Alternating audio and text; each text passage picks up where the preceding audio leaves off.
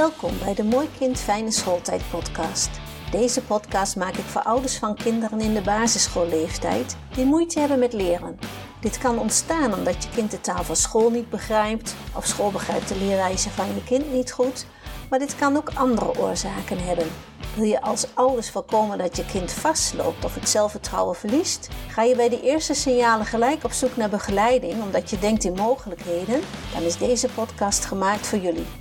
Want ik weet dat er nog heel veel mogelijkheden zijn voor je kind. Met deze podcast help ik jullie graag bij jullie zoektocht naar de beste ondersteuning. Ik heb net weer een aantal boeken aangeschaft.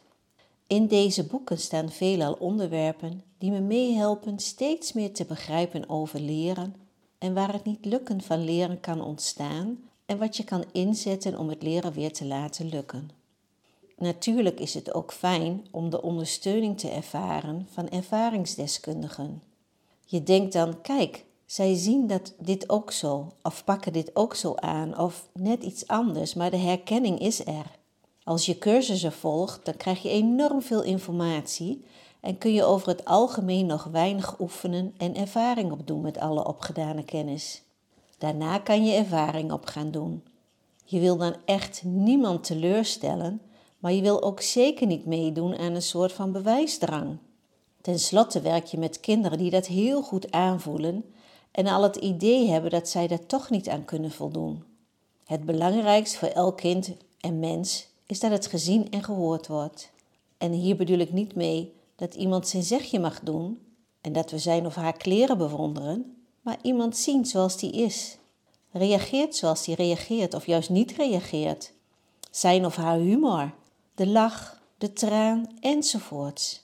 Alles wat iemand zo mooi maakt, omdat het is wat hij is. Nou is het zo dat als kinderen naar school gaan, dan zitten ze in een systeem. En als je daarin zit, dan stap je als het ware in een trein. En die trein die gaat rijden en als kind reis je mee. Soms stopt de trein en kom je op een mooi of minder mooi station terecht.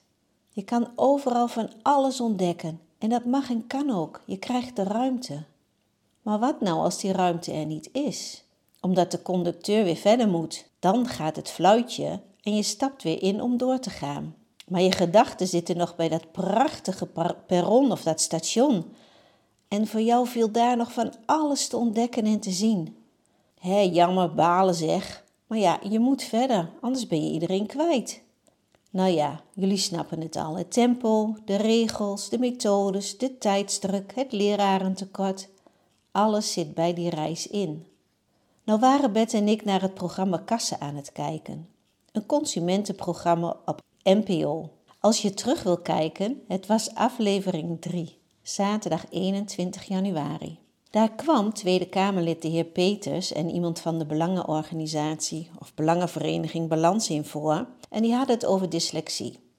De heer Peters wilde graag dat het geld wat nu naar externe bureaus gaat voor de behandeling van dyslexie, dat dit geld bij de scholen terecht zou komen voor de begeleiding van dyslexie.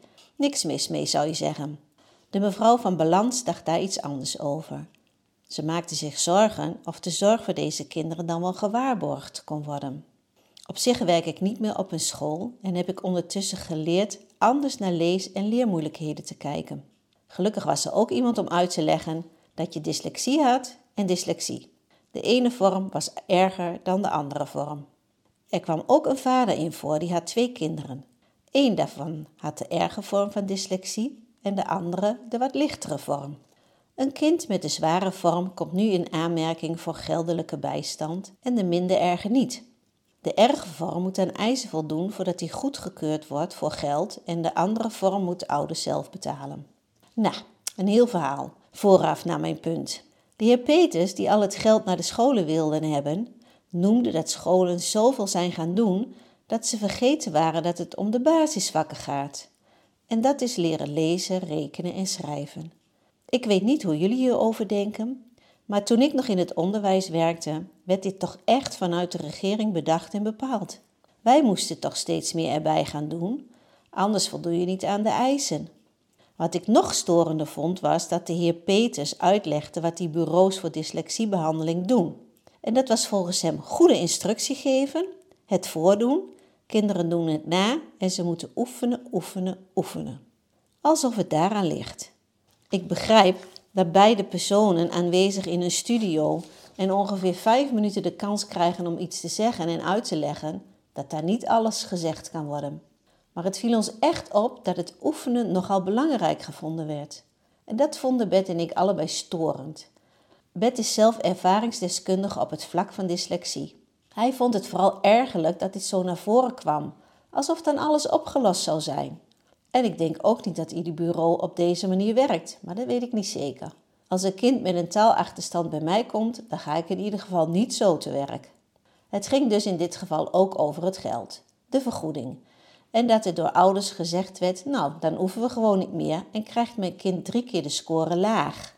En krijgt het dus wel een vergoeding. Dat vond de mevrouw van Balans niet goed en hoopte toch dat er ook wel op school geoefend zou worden. Ze vertelde dat er regionaal grote verschillen zijn in het niveau van de begeleiding. Ik begrijp dat men zoekende is om het leesonderwijs goed te krijgen, want er zijn steeds meer kinderen die niet goed leren lezen.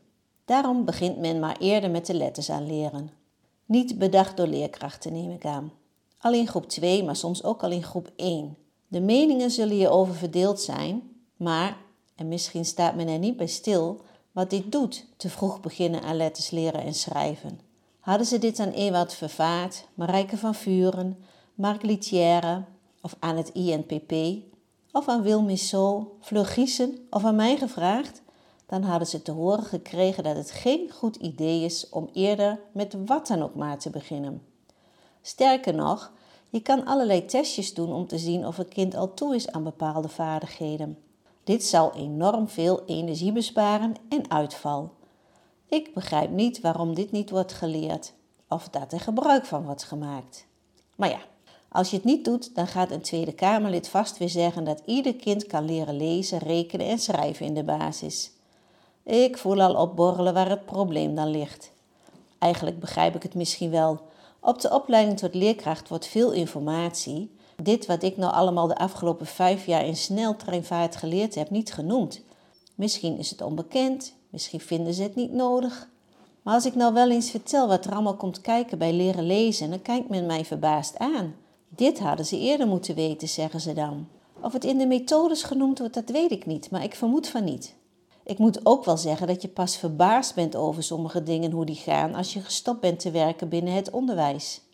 Dit hoorde ik laatst nog van iemand terug die ook gestopt is binnen het onderwijs. Zij was al een keer bij onze kinderen gaan kijken waar die op school zaten. Eerst begreep er niets van, maar hoe langer ze nou gestopt is, hoe meer ze begrijpt wat nou de toegevoegde waarde was voor onze kinderen en alle kinderen die hier zaten. Vaak als je dus maar in die trein zit, dan dendert die voor allen maar door. Hoe belangrijk is het om pas op de plaats te maken en even te bezinnen? Wat zijn we aan het doen? En welke manier van werken willen wij? Nou ja, dit zijn wat mijmeringen van mij. Waar ik zo bang voor ben is dat je in die trein zit en je wilt eigenlijk een andere plaats bezoeken. Maar ja, een trein is niet zo flexibel dat hij opeens met je meedenkt en het stuur omgooit. Meestal gaat een trein behoorlijk rechtuit. Hoe het verder moet, ik weet het niet. Wat ik wel graag wil is dat die ouders en kinderen verder helpen die ondersteuning nodig hebben. En ik hoop dat steeds meer leerkrachten tot het inzicht komen dat niet goed kunnen lezen of leren van lezen geen dyslexie hoeft te zijn, maar dat het niet lukken van het lezen ergens heel anders zit en is ontstaan. Er is nog zoveel mogelijk om kinderen toch op de juiste plek in de trein te krijgen. Maar toegegeven, het is wel een iets ander spoor dan wat men gewend is. De kinderen kopen allemaal een kaartje om op hetzelfde station uit te stappen. Dit station willen ze natuurlijk allemaal bereiken. En volgens mij kunnen meer kinderen dit station bereiken.